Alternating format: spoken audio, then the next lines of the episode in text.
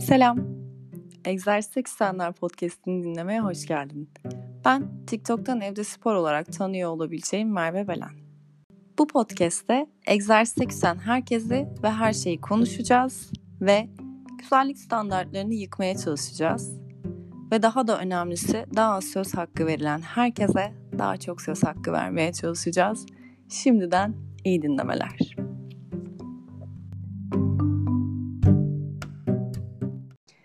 Egzersize Küsenler Podcast'inin yeni bir bölümüne hoş geldiniz. Bugün Queer Troublemakers'dan Mantar bizimle. Hoş geldin Mantar.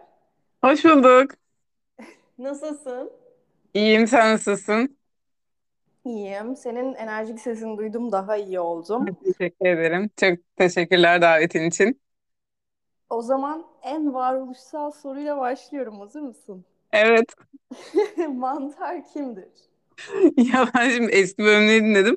Başta şey vardı mesela bir şey nedir diye soruluyordu. Şimdi kimdir'e geçtik neyse falan diye böyle geyik yapacağım.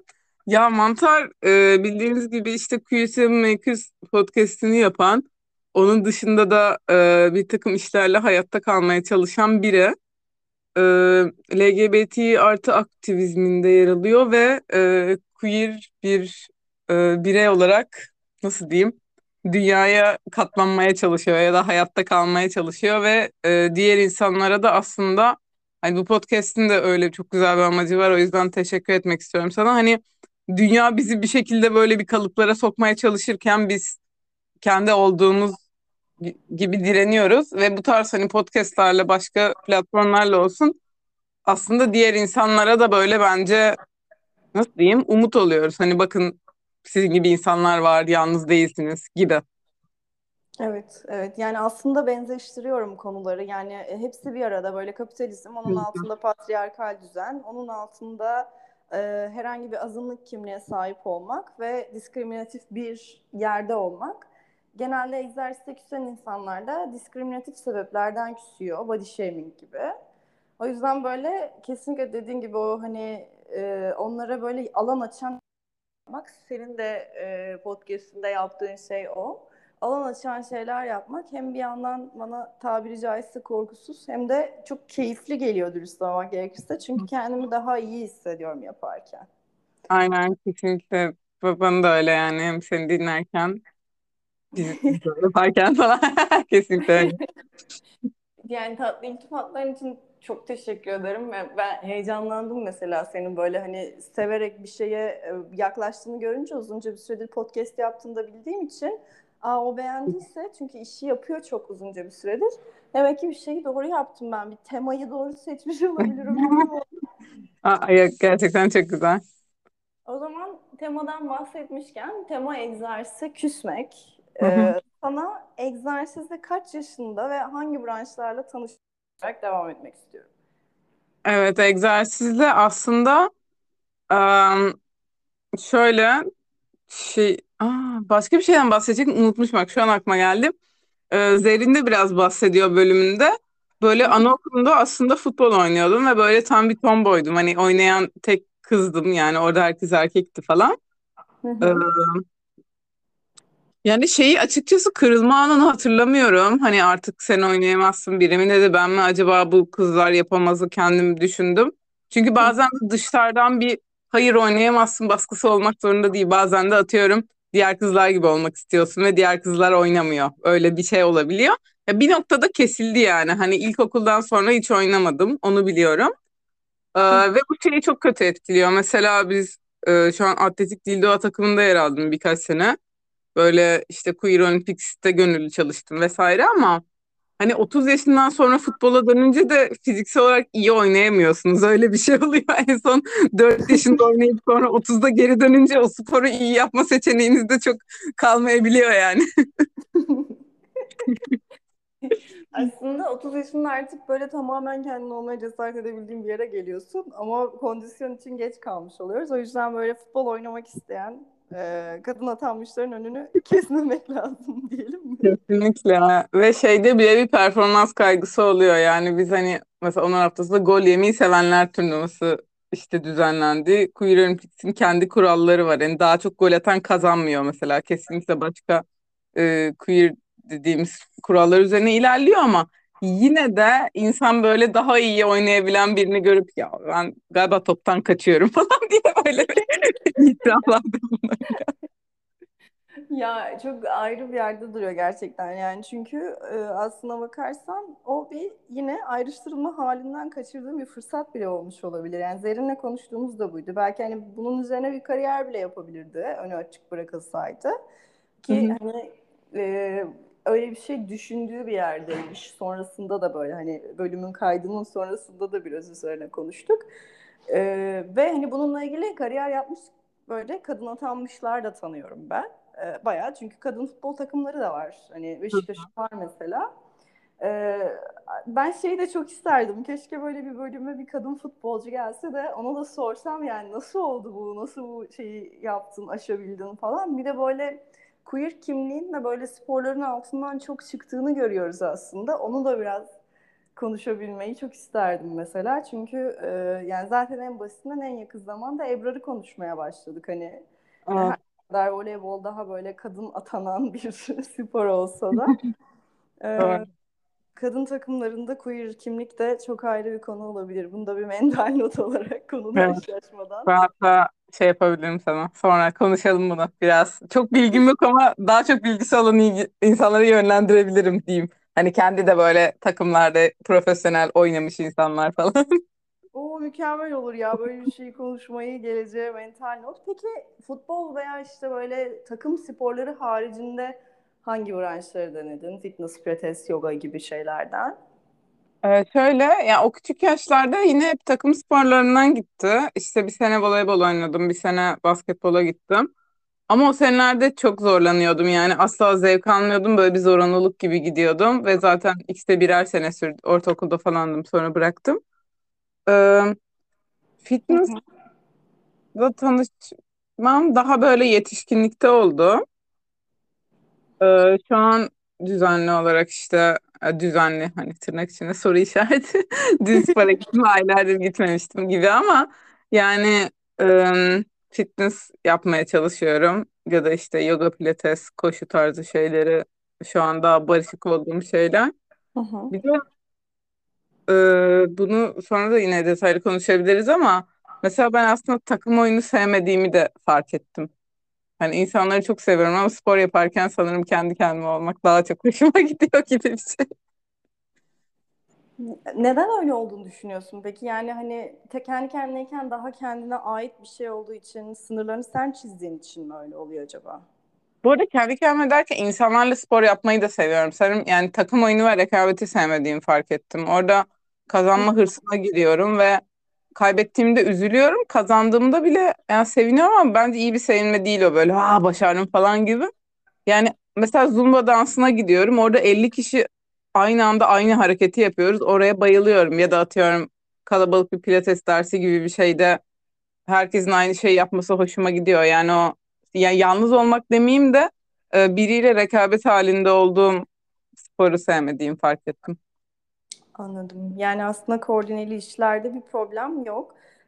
Evet. peki bir parantez oldu orada. O parantezi biraz açmak istiyorum. Hani zaman ayırmak soru işareti. Şu anki düzeninde gerçekten ne kadar yer var egzersizde? Eğer yoksa o soru işareti neden var orada? Hı hı. Ee, şöyle aslında biraz ne iş yaptığıma göre de- değişiyor. Pandemi sonrasında daha böyle serbest çalışma düzenine geçtim. Öncesinde e, her gün hani mesaili bir işim vardı ofise gittiğim. Hı hı. Öyle bir düzende e, işten önce erken, öğle arası ya da iş çıkışı akşamüstü gibi çeşitli saatler denedim. Ve o zaman düzenliydi yani böyle daha rahattım. Şu anda biraz böyle işten dolayı gidemediğim oluyor. O da ya biraz böyle saatlerin çakışma, çakışması. Aslında ya komik bir şekilde şu an daha çok zamanım var. Ya daha çok zamanım var demeyeyim de mesela şu an normalde eskiden ofiste olmam gereken bir saatte de işe şeye gidebilirim, spora gidebilirim. Ama şu anda o zaman yönetiminde biraz zorlanıyorum. Ya da böyle tam gitmek istediğim bir şey oluyor. O böyle garip bir şekilde herkesle sosyalleşme saati oluyor. Bir seçim yapmam gerekiyor. Şu an spora mı gideceğim, sosyalleşmeyeyim falan. Böyle bu aralar biraz e, iş düzenim soru işareti olduğu için spor da soru işareti olabiliyor. O yüzden eski halime dönmeye çalışıyorum diyeyim. Şu an an itibariyle eskiye dönmeye çalışıyorum. Ya umarım döndüğünü görürüm. Bu konuyu seninle daha önce yüz yüze de konuşmuştuk. Hatırlar mısın bilmiyorum. Evet. O zaman da hani benzer şekilde konuşmuştuk. Şu anda şeyi düşündüm. Hani e, orada evet iş düzeninin bir etkisi var ama bunun dışında bir böyle spordan soğuduğun, egzersizden soğuduğun bir dönem var mı? Bunu bir merak ediyorum ve burada böyle antrenörlerin bir etkisi oldu mu hiç sana? Yani böyle seni spordan soğutan bir antrenör davranışı hatırlıyor musun? Evet, e, şöyle ya ben aslında genel olarak spordan soğumanın çok saçma sistemle ilgili bir şey olduğunu düşünüyorum. Böyle bize şey dayatılıyor ya şu an spor bir zorunluluk ama spor yapmıyorsan keyif. Hani spor bir ödev gibi. Hı Ki hı. aksine aslında keyif. Hani mesela bu işte işten sonra gittiğim anlattığım bir günde ya iş ödevse hani iş tırnak içine sıkıcıysa aslında spora gittiğinde rahatladığın bir an oluyor. Hani iş düşünmeme gerek yok, başka bir şey düşünmeme gerek yok. Ne güzel rahat eğleniyorum falan. Hı hı. Ama hani sistem şu an bize öyle bir şey dayatıyor ki yani sistemden kastım bütün işte sosyal medya olsun spor yönelikte ya hep şey bir anlatı var yani "Aa, spor gitmek zorundasın. O da böyle psikolojik olarak bence hani gittiğin zaman Aa, ne güzel gidiyorum değil de böyle of ya spora gideceğim gibi bir psikolojik bir şey sebep oluyor. Bir tık aslında oradan o döngüden çıkmaya çalışıyorum ama ya bence böyle bunu hani beden e, konularında da konuşuruz yeniden. Ama e, yani sen kendi kendine bir şeyin doğrusunu, kendince doğrusunu düşünsen bile 7-24 bir medya bombardımanı altında olduğunda o düşünceni koruman zor oluyor. O yüzden ben de hani "Aa, spora gitmek zorundasın ve bu işte bilmem neden çok kendi kendime ne düşünüyorum onu hatırlamaya çalışıyorum. Ve e, kısa bir şey daha söyleyeceğim. Mesela bence kitap okumak da böyle bir şey. Biz yani lisedeyken böyle sınıfta kitap okuyoruz diye bir hocamızın böyle aferin dediğini hatırlıyoruz ve böyle çok komik. Abi şu an zevk alıyoruz hani ödev diye. Bu Kendi kendimize eğlenmek için yaptık. Öğretmen böyle aferin kitap okudum falan. Bir aynı şey yani sporda bu, bu yüzden örnek verdim. Ee, antrenöre geçeyim. Hı hı. Ya böyle spordan ya özellikle şunu yaptı ve soğuttu gibi bir hani hayatımda kırılma noktası yok. Şansıma biraz daha yakın dönemde çok kötü bir deneyim yaşadım. O da e, hani artık daha görece işte artık ne kadar oluyorsa bilinçli olduğum için e, biraz hani spordan soğumadım ama o kişiden soğudum. Şöyle bir şey oldu. E, hep gittiğim bir yer var spora. Orada ama hep aynı kişilerle çalışmıyorum. Yani böyle grup dersi olunca da gidiyorum. Random bir hoca denk gelebiliyor. Hem de ilk defa gördüğüm bir hoca vardı. Yani öncesinde çok muhabbetimiz bile yoktu yani adını falan bilmiyorum. O dedi ki sen önceden de geliyordun, işte ne zamandır gelmiyordun, şimdi işte çok kilo almışsın falan dedi. Ve böyle muhabbeti devam etti, devam etti, devam etti, çok uzattı. Ama çıktığımda ağlıyordum artık, çok mutsuz oldum. Hatta ve oraya mail atmayı falan düşündüm. Ya sizin çalışanınız böyle bir şey yapıyor ve Hani ya her şeyi geç kapitalist bir şekilde bu size para da kazandırmaz. Bunu yapan hani insanlar sporu bırakır. Bununla motive olup spora gitmez. Hani bu adam size zarar ettirecek falan ama ya tabii de yapmadım öyle bir şey yani. İçimden hayal sadece. Ee, şu anda da mesela o kişinin dersi varsa gitmiyorum. Ama onun dışında bilmiyorum içimde hala ukde kaldı. Ya böyle şikayet etmek de iğrenç bir şey. Anladın mı? Böyle ispiyoncu gibi. O yüzden birine şikayet etmek istemiyorum. Ama keşke o hani o şirketi mi diyeyim hani spor salonu çalışan başka azından bunu paylaşabilsem diye biraz içimde kaldı. Ve e, geçen böyle o kişiyle karşılaştım böyle kötü kötü baktım. Daha doğrusu şey hiç tanımıyormuş gibi baktım böyle hani hiç e, selam falan vermedim. Öyle kötü bir deneyimim oldu. Yani aslında kendi hocan olmayan biri bile gelip sana durup dururken kilonla alakalı yorum yapıyor. Doğru anladım değil mi? Oranın çalışanı olduğu için. Aynen aynen yani o derse girdiğim için kesinlikle hiçbir şeyimiz yok, muhabbetimiz yok ve ya, ya zaten muhabbetimiz olsa bile hani sorduk mu denir ya. Hani ben zaten belki ben kilo almaya gidiyorum spora adam bana aa kilo almışsın diyor. Gelmiyor muydun spora diyor. Hani benim hedefimi nereden biliyorsun? Onu da çok random atıyorlar ya bir kalıp. Böyle insanlar haricinde e, sende vücut imajı problemlerini başka neler tetikleyebilir? Yani ya da tetiklediği bir dönem yaşadıysan neler tetikledi? Ya şöyle aslında biraz bu demin bahsettiğim şey gibi yani e, şey nasıl diyeyim yaşadığımız dünya. Ya çünkü e, Hani bir ne barıştırıyor ne tetikliyor ikisini söyleyeyim. Ya tetikleyen şey her şey ya hayatım boyunca bütün dünya hani televizyondan billboardlara bilmem ya bütün dünya zaten tetikliyor. Hani özel bir şey yapılmasına gerek yok. Herkesin bildiği şeyler. Ben biraz oradan nasıl çıktım onu anlatayım. Böyle 2012 falan gibi Tumblr'la tanıştım ve orada FET aktivizmiyle tanıştım. Ya böyle bir şey varmış dünyada falan. Sonra işte e, Body Positivity vesaire. Ama hala bana ee, yani o içeriği sürekli tüketmiyorum ya sonuçta bir sürü başka içerik de tüketiyorum ya da hiçbir medya tüketmeseniz bile sokağa çıktığınızda billboardlar oluyor. Hani bilmiyorum ya bir şekilde onlar yeterli olmayabiliyor. Böyle şey gibi hani çok binde bir bir içerik gibi kalabiliyor. O yüzden bu aralarda nasıl diyeyim kafam karışık yani biraz şey gibi de hissedebiliyorum. Mesela böyle beden alımlamayla ilgili bir içerik gördüğümde İyi tamam boş ver deyip kendi vücudumla ilgilenmiyorum ama sonra ilgilenmediğim için aslında pişman oluyorum gibi bir döngü yaşayabiliyorum. Çok ayrı bir döngü aslında yani çünkü e, tırnak içerisinde politically correct olan her şeyi bilsen de Hmm, e, yani onun içinde yaşamıyorsun ve onunla büyümedik yani. kesinlikle. O yüzden atamıyorsun o öğretiyi. Yani kapitalist öğretiyi ne dilden atmak çok kolay ne işte kafanın içinden atmak çok kolay. Ama deniyoruz en azından gibi geliyor. Evet. Bir ufak parantez çok tatlı geldi. Ee, bu podcast'te Tumblr'ı olumlayan bu anlamda ikinci kişi oldum. İlki bendim. Ee, Tumblr o kadar kötü hatırlanıyor ki böyle benden 4-5 yaş küçük e, içerik üreticisi arkadaşlarım var onlar tarafından. Sosyal medyayı nasıl kullandığınızla alakalı mesela işte FET aktivizmiyle de karşılaşabiliyorsun sosyal medyayı böyle öyle kullanmayı seçtiğin zaman. Ee, ki ben de daha pozitif bir yerinden kullandım Tumblr'ı hep.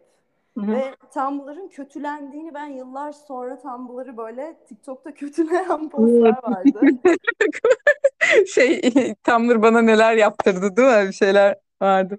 Aynen aynen böyle hani tetikleyici bir şey söyleyeceğim özür dileyerek ama yani işte Tumblr'da bayağı yeme bozukluğu core diye bir şey varmış. aynen. Ee, ben vardı. hiç karşılaşmadım yani hiç yani. Ya ben o Hani gerçekten yani, yani anoreksiya övülmesini hatırlıyorum ama ya ben onu bu arada internet ya da internet gibi bir şey yani hani ya TikTok ya da Reddit gibi yani içinde e, tek bir akım yok. Hani her şeyden bahseden insanlar var. Biraz da neyi takip edersen daha çok oraya çekiliyorsun ya işte TikTok gibi hani. O yüzden ben mesela e, sanırım Lambda'ya yeni girdiğim bir dönemde o yüzden hani o tarz şeyleri takip ede ede bir şekilde onların da benzerleri seni şeye götürüyor yani beden alımlamaya. Çünkü benzer bir aslında nasıl diyeyim atmosferdeler. Belki daha ana akım tamdır da hani ana akım moda şu bu ana akım vücut algısı o bir. Ee, benim de o fet aktivizmle tanıştıktan neredeyse artık dört beş sonra, sonra falan ilk defa o işte yeme bozukluğu övülen tablolara denk geldim. Ki onlar hani hem daha biraz yaş küçükler içindi diyeyim. Hani ben, o yüzden de beni o kadar çekmedi. Bir yandan da ben artık onu gördüğümde oha ne yapıyor bunlar ne saçmalıyor diyecek bir artık 25 yaşında falandım yani. O yüzden hani etkilenmedim neyse ki ama hani öyle bir içerik üretilmesine tabii çok geçirdim yani. Bir yandan internetin her platformda olduğu gibi orada da karanlık yüzü vardı tabii ki.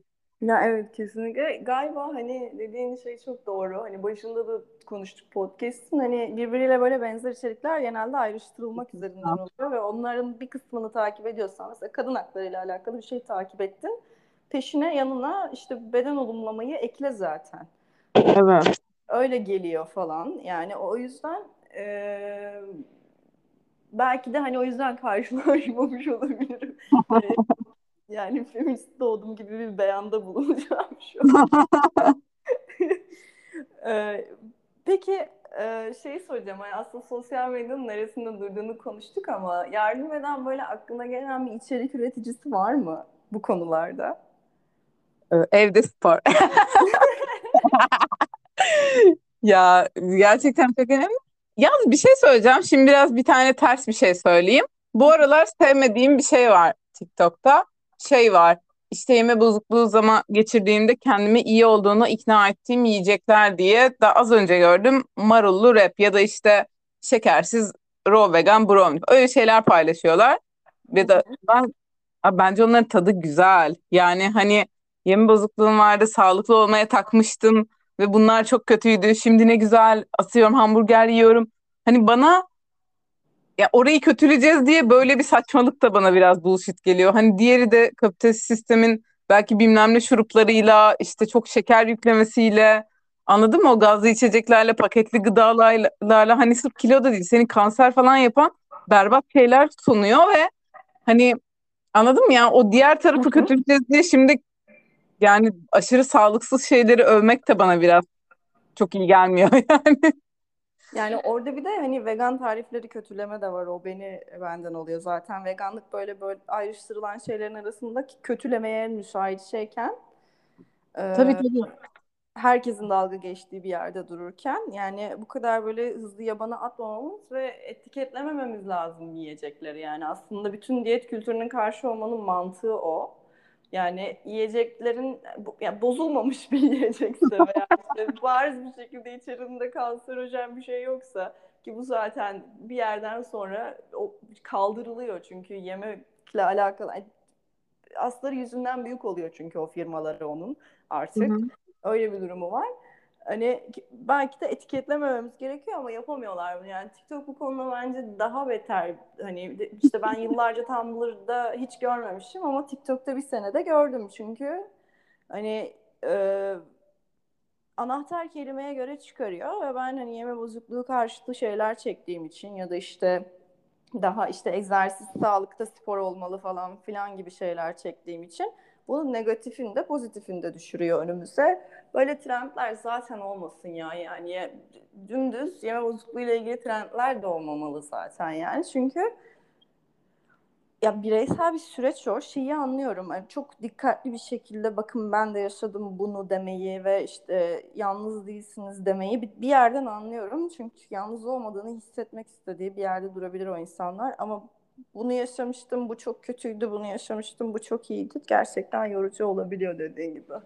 Ya bir de kimin konuştuğu da çok önemli. Hani hep böyle e, siyahi çalışmalarında falan hani hep konuşuruz ya beyaz insanlar konuşmasın artık başkası adına. Hani orada da çıkıp ya uzman bile olsa, doktor bile olsa, diyetisyen, profesyonel sporcu hani title'ı hiç önemli değil. Beden olarak zayıf biri çıkıp böyle arkadaşlar çikolata da yiyebilirsiniz ya korkmayın falan deyince onu izleyen obez biri için bence o kadar iğrenç bir şey ki abi sen ye zaten falan diyorsun. Hani yani o da bana hani kimin bu konuda konuştuğu da bence önemli. Kimin hakkı var gibi. Yani e, gerçekten izlerken hissettirdiği şeyleri bu bu konuda feedback'i çok fazla işitiyorum ben. E, onu şey yaptım. Bununla alakalı feedback alan diyetisyen de çok karşılaşıyorum. E, biraz daha onu inceleyip sık dokumak gerekiyor galiba. Çünkü bir yerde alay ediyormuş gibi hissettiriyor galiba o içerikler. Değil mi? Kesinlikle ve hani ım, ya kendim böyle şeyi de deneyimlemiş biri olarak mesela ya bu hani vücut imajı konuştuk diyet kültürü çok konuşmadık ama sen de bununla ilgili çok içerik üretiyorsun ister istemez girmiş olduk. Hani bir dönem bir ilaç nedeniyle şeyi fark ettim böyle bir iştahım kesildi hiçbir şey yiyemedim. Ya o an şeyi hakikaten fark ettim ya bunu okumuştum. Hani beden olumlama, carçurt işte YouTube'da izliyorum, podcast'ını dinliyorum, makalesini okuyorum ama gerçekten vücudumda yaşayınca fark ettim. Hani şey anlatılıyor ya yani insanların ne yediğini gerçekten kendi kontrol edemiyor. Yani evet diyet yaparak, kısıtlama yaparak kontrol edebilir ama hani tırnak içinde o çok doydum ya da işte aa çok yiyor kilo almıyor. Hani oradaki tırnak içinde çok yeme aslında başkasına çok az gelen bir şey olabiliyor. Çünkü yani oha çok doydum abi dediğin şey de çok kimyasal bir şey ya. Hani dediğim gibi özellikle hesap yapıp ne yiyeceğini planlayabilirsin. Bundan bahsetmiyorum. Hani hiç düşünmeden kendi kendine bir şey yiyorsan o aslında tırnak israf dediğim şey o hakikaten herkesin farklı ve yani böyle işte o hani şey de hep eleştiririz ya ya işte şişman insanlar bu iradesizdir bilmem ne demek ne kadar yanlış bu zaten hani fiziksel bir süreç falan. Hani tam onu yaşayınca böyle anladım ya aa bu gerçekten Aa, de- demek ki böyle insanlar da varmış dünyada falan diye. Ya aslında Çok e, acıkma ve doyma hissiyle bazal metabolizma hızı birbiriyle çok bağlantılı oluyor. Yani biraz onu egzersiz fizyolojisi dersleri içerisinde öğrendiğimiz kadarıyla son dönemlerde hani ben de ve bununla ilgili daha bilinçli olduğunu bildiğim içerik üreticileri de bunun üzerine çok konuşmaya başladı. Çünkü acıkma ve işte bir kere acıkma hissi hissetmiyorsanız hani bir problem orada başlıyor diyorlar e, son dönemlerde diyetisyenler. Çünkü acıkma hissini vücudun sana uyaran olarak veriyor olması lazım. Veya bazı insanlar da tokluk hissi hissetmiyor ve bunun üzerine çalışıyor artık bu tarz böyle hani zaten şeyi ayırt edebiliyor bir yerden sonra insan. Gerçekten yeme bozukluğu olan biriyle çalışmış bir işte antrenör, bir e, diyetisyen e, o süreçte o kişinin ne yaşadığını o kadar iyi gözlemlemiş oluyor ki bir şeylerin farkında oluyor ve karşı tarafın gerçekten doyma hissi, e, acıkma hissiyle alakalı beyanı olmadığını, ikisinden birinin kaybolduğunu fark ediyorsun. Ve işte e, aynı zamanda şeyi fark ediyorsun. Bazal metabolizmını e, ileriye taşıyacak şekilde beslenmesi lazım ki çünkü bir tabiri caizse bir makine olduğumuzu düşün. O makinenin alması gereken işte 2000 joule bir enerji birimi varsa o enerji biriminin altında aldığın zaman makinenin sistemleri önce bozuk çalışıyor. Üstüne aldığın, altına aldığın kısımla kalori açığı, kalori fazlası denilen şeyler yapılıyor aslında. Kilo verme mekanizmaları da böyle işliyor o süreci doğru anlayan bir kişi içeriklerini bir yerden sonra şeye çekiyor. Ben onu fark ediyorum şu anda. Bütün hani işte yabancı diyetisyenlerde bile bu var yani. İçerikleri böyle sev kendini, vücudunu ne olursa olsun sevden. Çünkü ben de buradan başladım. Ki bu artık toksik pozitivite diye adlandırdığım bir şey. Yapmamaya çalıştığım bir şey. Biraz daha işte bakın bu yararı sağlamaya çalışıyoruz bunu yaparak.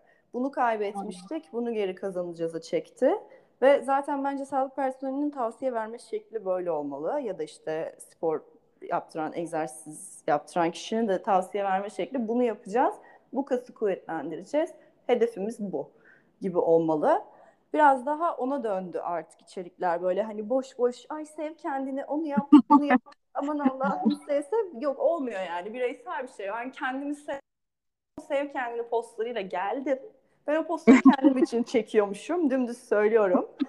Yani kendim kendi vücudumla barışayım diye çekiyormuşum ki hani vücut imajı problemlerim olduğunu söylemek bana şu anda absürt geliyor dönüp bakınca o vücuda. Hay maşallah çünkü yani kendime iltifat edeyim. Ee, ama şey oldum yani hani e, onu çektim oraya geldim. Eninde sonunda doğruyu bulan bir içerik üreticisi grubu olacak. Diğerleri elenecek. Çünkü bir de performatif yapanlar var. Onları Tabii. ayırt biliyor musun mesela performatiflerle gerçekten içten yapıyor ya dediklerin var mı yani? Yani aslında şey fark etmiyor. Biraz ne hissettirdiği önemli. Hani o gerçekten ne hedeflemiştiden çok. Yani ben birini fake hissettiysem o öyle başta belki değildi yazık ama yani ne yapayım yani tabii ki de öyle bir şey de var. Ee, ya dediğine haklısın ama belki de başlangıçta öyle yapmak gerekiyordu. Sonuçta o da fazla geldiği zaman o toksik pozitivite demeye başladık. İlk yapıldığında bir rahatsız etmiyordu. Aksine iyi geliyordu öyle postlar görmek hepimize. Hani onun da bir önemi varmış demek ki yani. Öyle bir hani sosyal medyanın öyle bir dönem geçirmesi gerekiyormuş. Şimdi artık yapıldığında of yeter artık toksik pozitivite çok geldi bu bize falan. Hatta artık beden olumlama değil de nötrleme mi? İşte Aynen. nötr Böyle- yapalım muhabbeti var ya. ya birazcık bana şey de geliyor. Yani aslında internetin e, yani developing sürecini de izlemiş oluyoruz. Aynen, aynen. Ve bence pandeminin de çok büyük etkisi var. Yani hiç kimsenin her şey çok güzel olacağı tabiri kalmadı. Tabii tabii Nilkar İbrahimgil'e dönüyor yani bir yerden sonra. yani ben, benim kendimin de kalmadı her şey çok güzel olacağı. Ben böyle o niyetle internete girmiştim ve öyle düşünen bir insandım böyle saf saf. Yok yani her şey çok güzel olmayabilir ama yani o umutsuz şeyin içerisinde de yardımlaşmaya devam edeceğiz. Buymuş yani hikaye. Ama Aynen. E, oraya gelene kadar o, yani belki üç sene sonra başka bir şey söyleyeceğim bu arada ben de insanım. Kesinlikle zaten hani şey de çok güzel bu arada. Yani o süreçte gelişmen en güzel şey. Öbür türlü zaten hani bence şey de bir iyi içerik üreticisi değil. Hani e, atıyorum sen yıllarca aynı düşünsen iyi olmaz ki sen de aksine okuyorsun, başka insanları izliyorsun, gelişiyorsun, fikrin değişiyor. Yani bu zaten olması gereken. Hani çünkü mesela YouTube'da falan da çok uzun yıllardır olan insanlar diyor ya mesela ben işte şu kadar yıl önce şunu yapmışım ama şimdiki aklım olsa bunu çekmezdim. Yani çünkü büyüdüm artık böyle düşünüyorum bilmem ne falan. O etkileşimle değişmek de bence iyi bir şey ya. Hani Aa, niye onu çekmişim değil de aksine süper bir şey o. Gelişimi de izlemek mesela izleyebilmek online bir şekilde. Ya kesinlikle yani insan kendine bir şeyler kattığını görüyor böyle geriye dönüp baktığında. Aynen. Bir de yani benim yani bir Merve Belen atasözü der ki ben annemin karnından politically correct doğmadım. Yani aynen. Ee, ama olmak için her şeyi yapıyorum ve yani şeyi söylüyorum hep ben ya ben işte Tumblr kullandığım ben 2010'da üniversiteye girdim. Tumblr kullandığım dönemde en çok kullanılan feminist slogan The Future is Female'dı. Ha, tabii. Şimdi The Future is Non-Binary oldu. Ben 10 sene sonra bunun başka bir şeye evrilmeyeceğini garantisi olduğunu düşünüyorum artık yani. O yüzden Kesinlikle. e, böyle aslında. Ya, bu, bu arada benim çenem açıldı kusura bakmayın. Estağfurullah. Ee, Benzer şeyler deneyimlemiş kişilere önermek istediğin böyle. Bunu da söyleyecektim Merve. Bir şey var mı?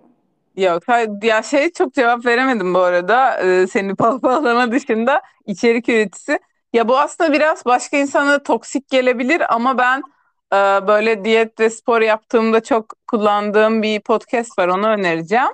Ama hani eğer öyle bir amacınız yoksa ilgilenmeyin. Sadece bence güzel bir hedefleri vardı. İsmi hmm, Cut the Fat.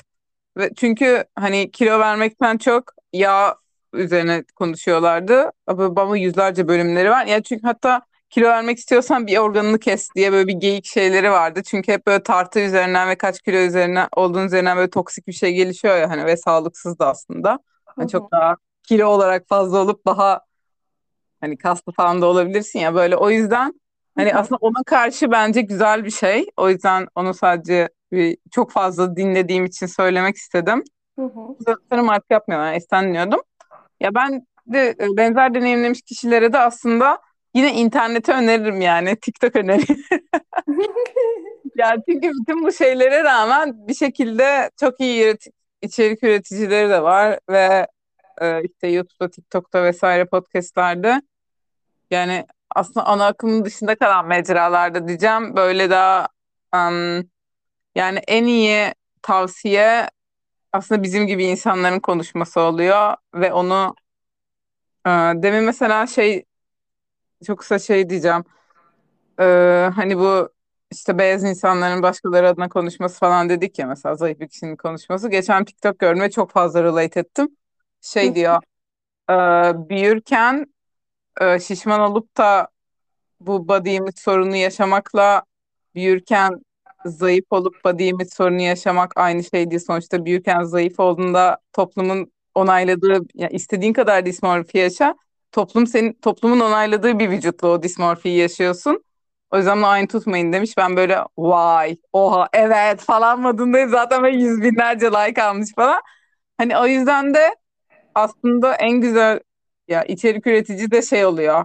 Yani işte herkes için en güzel derken işte her kendisine benzeyen diyeyim yani. Ya da işte tam da benzer deneyimleri yaşamış kişileri bulmak falan gibi bir şey. Kesinlikle aslında tam olarak yani e, ben de yüz fikirdeyim bu konuda. Kesinlikle her zaman fat vücutlar daha fazla ayrıştırılacak. O yüzden daha fazla ayrıştırılana her zaman daha fazla söz hakkı vermek lazım. Ve hani kendine göre birini bulduğun zaman daha iyi oluyor.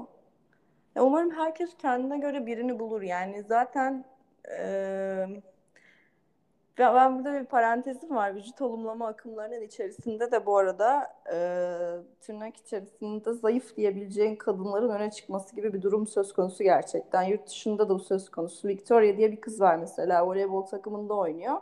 İşte belly rolls gösteriyor birçok e, postunda. Ve Victoria'nın belly rolls'unu konuşuyoruz ama plus size bir kadın değil yani. Ama vücut olumlama akımı ilk aklıma gelen o. Çünkü benim vücudumda en çok eleştirilmiş şey olduğu için benim karşıma o çıkıyor ve ben onu görünce daha iyi hissetme şeyinde oluyorum. Ama gerçekten hani plus size bir kadın için plus size bir kadını görmek ve onun özgüvenini görmek iyi hissettirir. Bununla ilgili de hani çok fazla dizi, içerik üreticisi var. İşte Shrill diye bir dizi var mesela. İlk böyle belki plus size başrol oyuncusunun olduğu dizi. Ve bu bu podcast'in bir bölümünde Ezgi aldım plus size içerik üreticisi mesela. Böyle insanlarla karşılaşmanızı hepinizin böyle ihtiyaç hissediyorsanız diliyorum onu söylemek istedim. Ee, çünkü çok fazla var. İyi ki var. Representation matters diyeceğim. ee, çok teşekkür ederim benimle konuştuğun için. Ben çok teşekkür ederim davetin için. İçine sinmeyen bir şey var mı? Söylemek istediğim bir şey var mı? Yok ya çok içime sindi. Bir sürü konuya da girdik yani çok kapsamlı oldu. Çok hoşuma gitti. Çok sevindim. İyi ki konuştun benimle. Görüşmek üzere. Çok teşekkürler. Görüşürüz.